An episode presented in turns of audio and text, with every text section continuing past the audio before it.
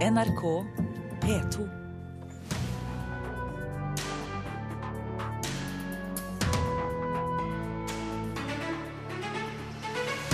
Kun en tredjedel av de prisnominerte bøkene til Nordisk råds litteraturpris gis ut på norsk.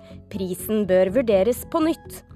Framtiden i våre hender er krystallklare. Vi kan ikke stole på at Jenny Skavlans kolleksjon for Vero Moda er så bærekraftig som markedsføringen sier. Hør debatten.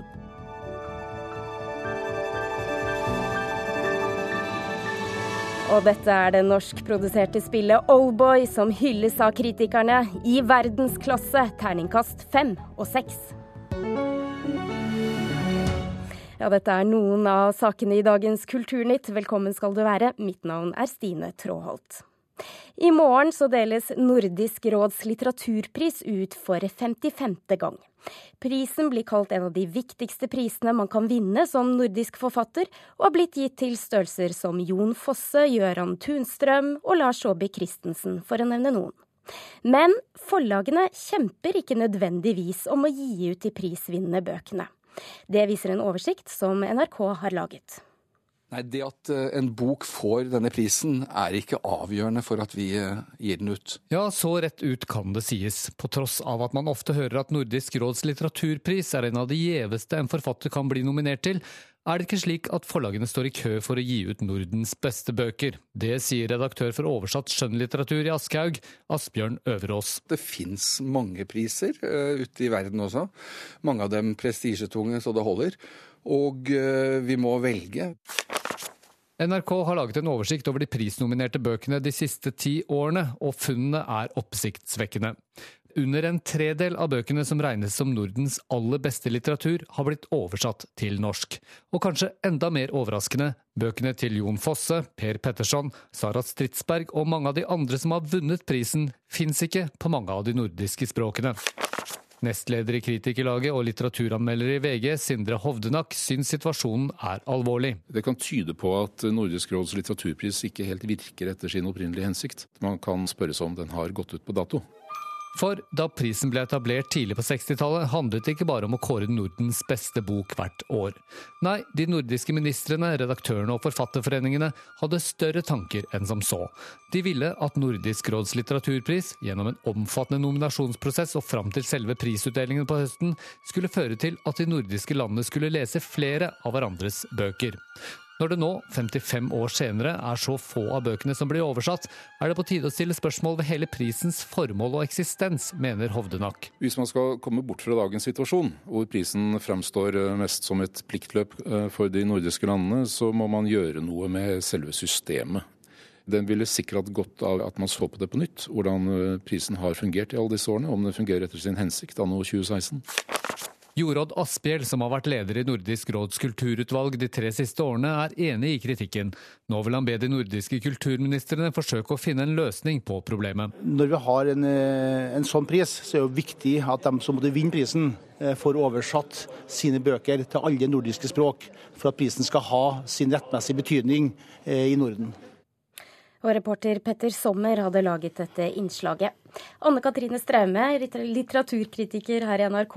Vi hører her altså en tredjedel av de prisnominerte bøkene til Nordisk råds litteraturpris er oversatt til norsk, og mange av de store vinnerne blir ikke oversatt til de nordiske språkene. Er det godt nok?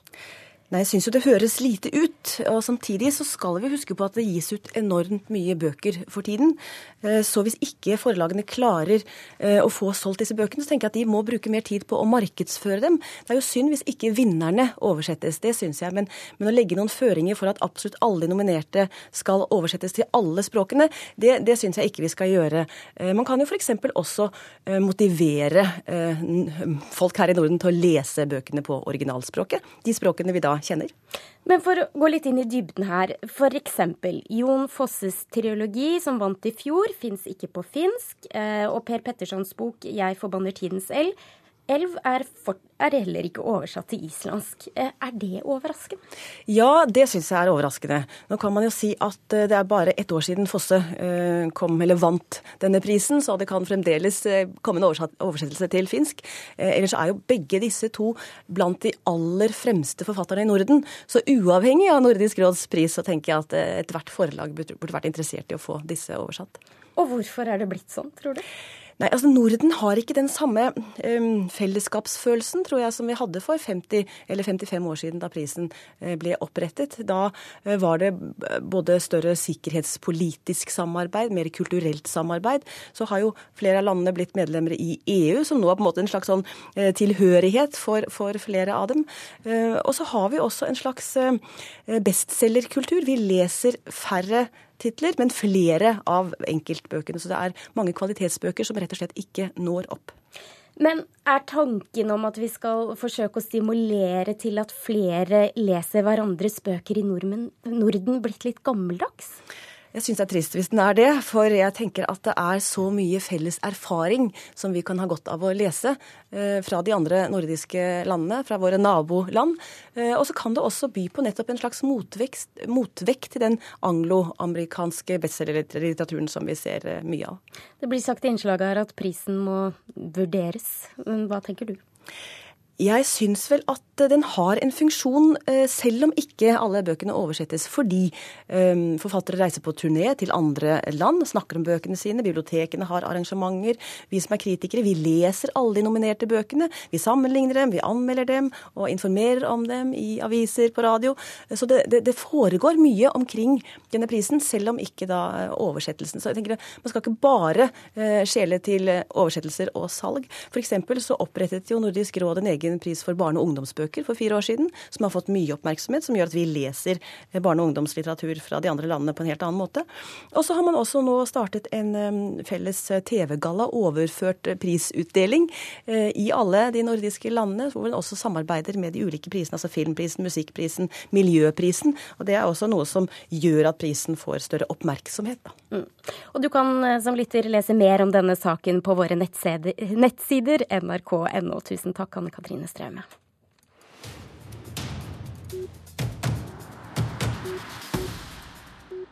Og vi skal til dagens aviser. Reporter Kirsti Falk Nilsen, du har lest igjennom dem og funnet ut at det bl.a. handler om Oslo World Music Festival. Ja, for i morgen så starter festivalen, som i år fokuserer spesielt på joik. Eh, Vårt Land har i dag et intervju med Sara Mariell Gaup, som forteller at hun tidlig måtte lære seg å respektere at andre læstadianere mente at joik var synd. Og det her har vi jo hørt tidligere, men, eh, kanskje spesielt fra Mari Boine. Men det som overrasker her, er vel kanskje at Gaup er født så sent som i 1983, og forteller at det fremdeles er sånn eh, noen steder. Hun fortalte til avisen at selv om hun ikke selv syns at joik er synd, så har hun lært hjemme at eldre kan bli lei seg hvis de hører joik, og at eh, det må respekteres. Eh, Gaup skal ha konsert eh, under festivalen, som varer helt til søndag. Og fra dette til Munch-museet, som satser i USA. Ja, det gjør de. De skal ha ei utstilling på prestisjemuseet The Met i USA. Direktør ved Munch-museet, Stein Olav Henriksen, han forteller til avisen at de må ut og gjøre museet bedre kjent og at de gjør det her for å trekke samarbeidspartnere og publikum til det nye museet i Bjørvika. Henriksen sier til Dagbladet at de prøver å tone oppmerksomheten rundt Skrik, og heller prøver å løfte frem andre av Munch sine verker. Tusen takk, reporter Kirsti Falk Nilsen. Dette er Kulturnytt i Nyhetsmorgen, og klokken er nå tolv minutter over åtte. Og dette er nyhetsoverskriftene denne morgenen. Bergensmillionæren Berge Gert Larsen ga garantier for penger i det skjulte for å få gjenopptatt etterforskningen av drapet på Monica Silvinskaja. Demokratenes leder i Senatet mener FBI-sjefen kan ha brutt loven i håndteringen av e-postsaken mot Hillary Clinton. Og lokførerstreiken er over, men NSB melder at lokaltogene på Østlandet og alle tog på Østfoldbanen først kjøres som normalt fra natt til i morgen, altså nærmere om ett døgn.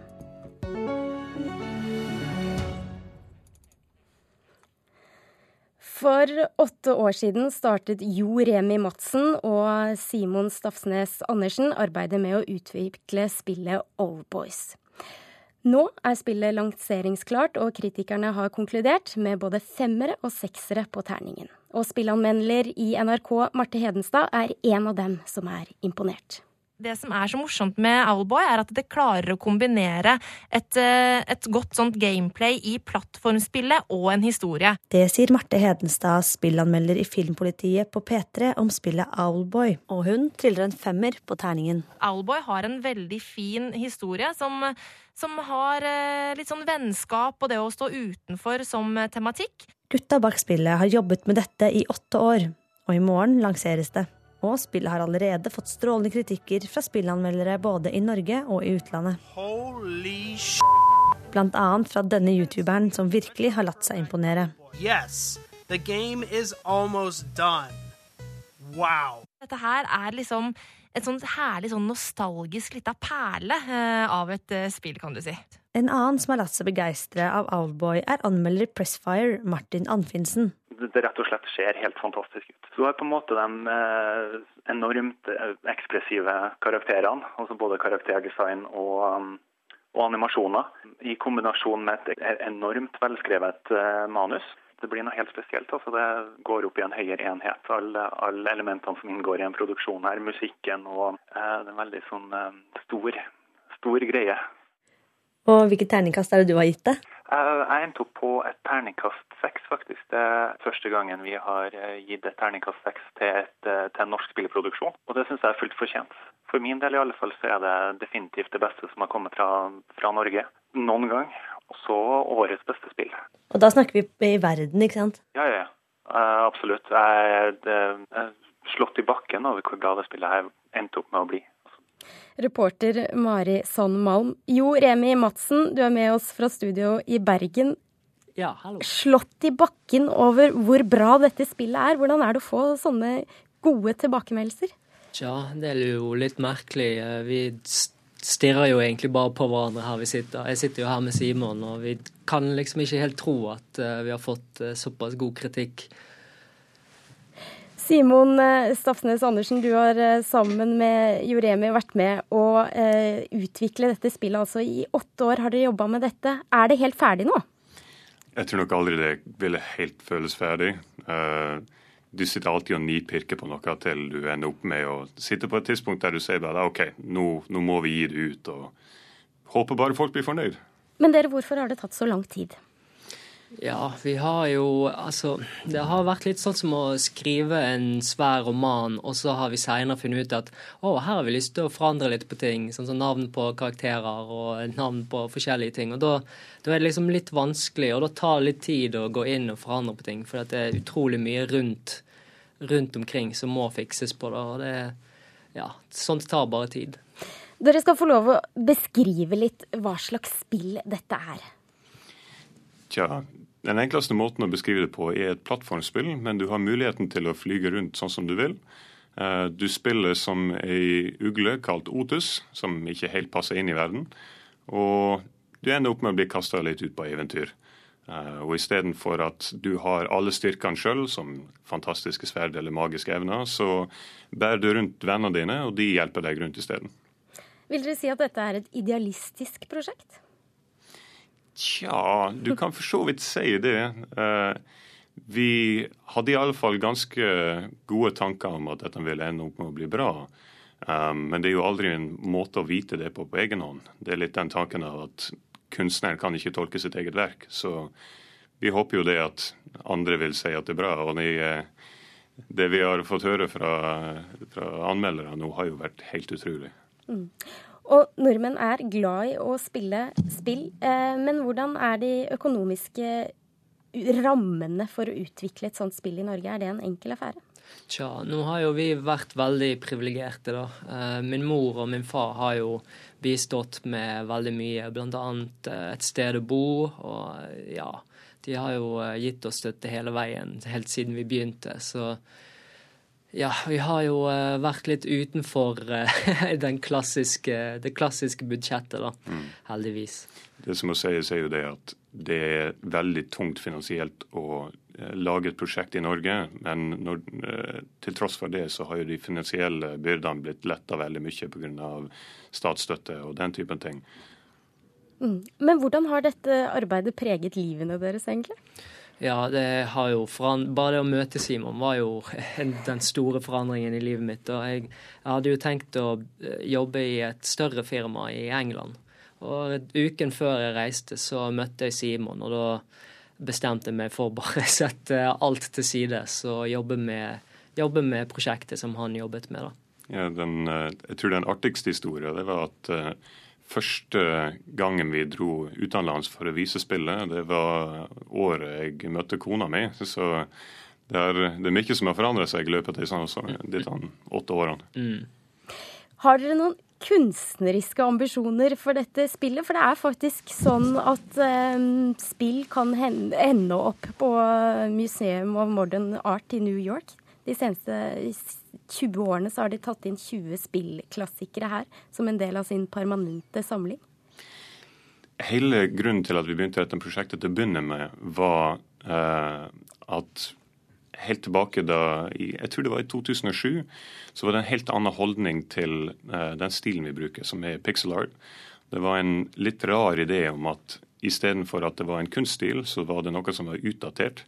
Og Planen var å vise hvordan det kan gjøres skikkelig, og hvordan man kan bruke medier på så bra måte som mulig. Så uh, selv om det ikke er hele grunnen til at vi har laga prosjektet nå, så var det iallfall en, en stor grunnlegger for det. Så jeg håper det at folk kan se på prosjektet og tenke det at det her er, det er noe som vi kan bruke som en målestokk, og så bevege kunststilen videre. Dere sa innledningsvis her at dere, det er fristende å bare sitte og flikke og finjustere når man har jobbet så iherdig og lenge med et spill, men nå lanseres det, og hvor går veien nå etterpå? Tja, vi er jo uh, veldig sikre på hvor den går. Vi har jo uh, i skjul lagd flere prosjekter som vi, som vi, har tenkt å hoppe på når, uh, når spillet nå er ute. Vi er ja, vi er arbeidsnarkomaner hele gjengen, så nå, nå, skal vi ta oss en liten ferie, tror jeg. Men vi hopper på neste prosjekt eh, veldig snart, skulle jeg tro. Jo Remi Madsen og Simon eh, Stafsnes Andersen, tusen takk for at dere var med i Kulturnytt, som altså har utviklet spillet Oldboys. Kleskjeden Veromoda får refs for å ikke være åpne om hvor og i hvilket land klærne deres blir produsert. I slutten av forrige uke lanserte klesbutikken en kolleksjon designet av Jenny Skavlan, som de markedsfører som bærekraftig. Organisasjonen Framtiden i våre hender frykter kritikkverdige forhold i produksjonsfabrikkene. Velkommen til eh, lanseringen av eh, Jenny Skavlan for Veremoda. På lørdag åpnet Jenny Skavlan sin Veremoda-kolleksjon på kjøpesenteret Oslo City. Kleskolleksjonen markedsføres som bærekraftig, hvor alle materialene er resirkulerte. Men hvor klærne blir laget, er det få som vet. Når selskapet bak dette ikke vil oppgi eh, produsentlistene sine og hvordan produksjonen foregår, så går det ikke an å kalle det bærekraftig. Det sier partileder for Miljøpartiet De Grønne, Rasmus Hansson. Det er det danske konsernet Bestselger som står bak merket Veremoda, og de ønsker ikke å gå ut med hvem eller hvor kolleksjonen har blitt produsert. Da har vi ikke lagt ut hvilke fabrikker der produserer øh, for oss. Det sier kommunikasjonsdirektør Mogens Verge i konsernet Bestselger, som står bak kleskolleksjonen. Framtiden i våre hender mener man burde tenke seg om to ganger før man handler fra kleskjeder som ikke har åpne fabrikklister, slik som Veremoda. Reporter Philip Johannesborg. Leder i Framtiden i våre hender, Arild Harmstad. Hvorfor tenker du at det er problematisk at Betzeller og Veromoda ikke vil gå ut med hvor produktene produseres? I løpet av de siste fire årene så har eh, nesten alle andre kleskjeder i Norge åpnet opp. Eh, de største som Hennes og Maurits, eh, Warner-gruppen, Kapal, Lindex. Alle forteller nå hvilke fabrikker de bruker. og det viser at Veromoda og Bestselger de er på en måte akterutseilt i dette. Og det er mange gode grunner til at åpenhet er bra. Det første er at vi vet at når det skjer en hendelse på en fabrikk, f.eks. Rana Plaza-hendelsen for tre år siden, så er det veldig viktig at man finner ut raskt hvem det er som produserer, sånn at man kan finne ut hvem som har ansvar, og hvem som, kan, eh, hvem som skal stille til ansvar for dette. Og så er det også sånn at hvis man er åpen, så kan man få hjelp fra omverdenen, fra frivillige organisasjoner, fra fagforeninger, til å finne ut om hvordan arbeidsforholdene på fabrikkene er. Og så er det også sånn at forbrukere ønsker seg åpenhet. Og de som jobber på fabrikken, de setter også stor pris på at omverdenen vet hvem de produserer klær for. Mm. Nå er det sånn at uh, Morgen Sverge, som er kommunikasjonsdirektør i bestselgerkonsernet som eier Vero Moda, skulle ha vært med oss for å møte deg til debatt her i Kulturnytt, men han har vi dessverre ikke fått tak i nå i morgentimene likevel. Men jeg må jo spørre deg da. De sier at det er av konkurransehensyn. Er ikke dette et helt OK argument for å ikke fortelle om hvor klærne produseres? Dette var det argumentet vi møtte når vi startet vår kampanje for åpenhet i tekstilsektoren. Eh, alle var veldig redde for hva dette betød. Eh, og særlig Moods of Norway, som var de første som åpnet opp, de har en ganske spesiell kolleksjon. Eh, og de var veldig redde for konkurransehensyn. Når de gjorde det, så viste det seg at det har gått kjempefint. Og jeg skjønner ikke helt hvorfor. altså det, konkurransen i bransjen den er ganske lik for de store aktørene. Og det er ikke noe spesielt ved bestselger som gjør at de trenger å, være, å, å frykte dette. Så jeg, jeg, det er et godt råd. er liksom, Les på litteraturen, se på studiene om dette. Og, og, det er dessverre ikke et, eller det er ikke et stort problem. Så det er egentlig en dårlig unnskyldning. Men i en nettartikkel på nrk.no som ligger ute nå, så forteller jo bestselger det at de eh, har eh, kan gå god for at eh, det ikke er noe mistenksomt med måten dette blir produsert på, og at arbeiderne blir ivaretatt på riktig måte. Hvorfor er dere likevel så skeptiske da? Det er jo fordi at eh, Den historien vi hører om tekstilsektoren, er jo at veldig mange arbeidere faktisk ønsker seg bort fra tekstilsektoren. Altså De som jobber der, de tjener altfor dårlig, eh, de jobber for mye og de har andre drømmer. Det er ofte folk som ikke klarte å ta utdanning og som på en måte mislykkes. Veldig ofte unge jenter. De ønsker seg over i andre bransjer. Dette er jo helt generelt. Vi har ikke noe indikasjon på at bestselger har funnet helt andre fabrikker, helt andre måter å gjøre dette på. Så de også trenger da hjelp fra omverdenen til å få til å løfte standardene. Og det, eh, jeg er ikke så bekymret for liksom, Hvis vi tenker på sånn 20-30 års sikt, så går dette fint. Men det som skjer i dag, er at forholdene på fabrikkene er så elendige at man må faktisk ta i bruk alle de midlene vi har på kort sikt for å forbedre arbeidsvilkårene. Og så må vi understreke det da, at dere ikke kan bevise at det er noe eh, kritikkverdig som foregår ved disse fabrikkene hvor Vera Moda-klærne blir produsert. Men eh, når dere har sett andre forhold som arbeiderne eh, jobber under, hva, hvordan vil du beskrive de? Veldig ofte så er det jo eh, fryktelig lange dager. En, I Bangladesh så for et par år siden så, så vi at man måtte jobbe i tre timer for å få nok til å kjøpe ett kilo ris. Eh, folk har ofte ikke råd til medisiner, de har ikke mulighet til å bli, eh, til å bli syk. Eh, de har ikke nok til å forsørge familiene sine. Og Problemet her er jo at disse menneskene ønsker jo åpenhet om hvordan de jobber. men når, hele, når industrien i utgangspunktet ikke ønsker å være åpne, så er det vanskeligere å snakke med journalister, med omverdenen. Og vi kan jo bare tenke oss hvis, hvis vi hadde hatt fabrikker i Norge, eh, men det var hemmelig hvem som produserte, hvilke klær de produserte på disse fabrikkene. Du visste ikke hvilke merker det var. Da er det jo i utgangspunktet vanskelig å tro at eh, man ikke har noen grunn til å skjule det. Altså, jeg, jeg tenker at de definitivt eh, Det vi kan tilby, da, er jo at vi kan også være med og undersøke. Vi kan snakke med folk. Vi har nettverk overalt. Vi kan eh, I utgangspunktet så Klesmerkene må forholde seg til en fabrikkeier i disse landene, og fabrikkeierne er ofte ikke helt på, på lag med etikken, kan du si. Eh, og noen ganger så kan faktisk klesmerkene ha nytte av å samarbeide med organisasjoner som også kan stille fabrikkeierne i de ulike landene til ansvar, og gjøre de Sånn at man rett og slett kan, kan snakke fra begge kanter. altså Både de kan legge press, og arbeiderne kan uh, påvirke. Leder i Framtiden i våre hender, Arild Harnstad, tusen takk for at du kom til Kulturnytt.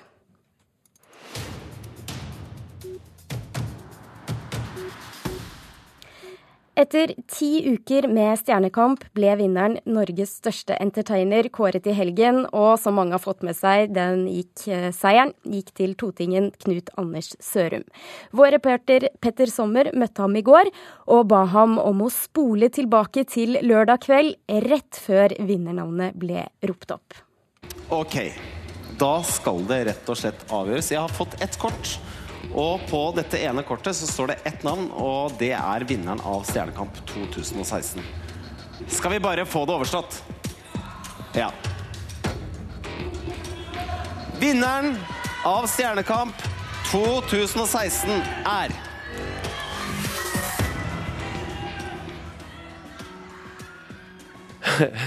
Hjernen min den gikk i litt sånn overload-modus, så jeg klarte ikke å tenke så veldig mye. Så sier de navnet mitt, og bare Sa navnet mitt? Er det, vant jeg nå? Er det, er det det som skjer? Og så gikk det i svart. var, var, det litt antiklimaks? Nei, det var, nei, er du gæren? Det var jo fantastisk. Er du gæren? Det, det, jo, det var jo så moro. Det, det er helt vilt. Hadde du trodd at Nikoline skulle vinne, er det det du sier? Du tenker alltid på forhånd eh, det verste. Jeg har stått der hver lørdag nå i ti uker på rad og trodd at nå, nå ryker jeg ut. Nei, i dag jeg ut. Nå ryker jeg ut. Men så gjorde jeg ikke det. Og så vant jeg. Så, hva, hva, er grunnen til det, tror du? Um, jeg, jeg, tror kanskje jeg har ganske brei appell. At, at det gjør at forskjellige folk kan like det jeg driver med. For du var jo ikke et sånt veldig kjent navn da du begynte i Stjernekamp. Riktignok så hadde du jo representert Norge i Eurovision Song Contest eh, for noen år siden, men, eh, men ikke av de aller kjenteste navnene. Ja, nei, altså Jeg har, jeg har, jeg har liksom aldri vært sånn på toppen av kjendislista, men jeg har sunget og spilt veldig mye. Så jeg har vært veldig mye rundt og, og hatt liksom hundrevis av konserter hvert eneste år. Eh, i liksom 20 år bakover. Så, um, så det har en eh, påvirkning, tror jeg. Pluss at eh, jeg, jeg, har vel en veldig sånn vokalstyrke, da. Styrken min ligger der. At, at jeg er liksom en veldig trent vokalist. Reporter Petter Sommer. Tone Staude har vært produsent for denne sendingen. Kulturnytt er over for i dag, men du kan lese mer og flere kulturnyheter på nrk.no kultur. Nå får du snart Dagsnytt her i NRK P2 og Alltid nyheter. Hør flere podkaster på nrk.no podkast.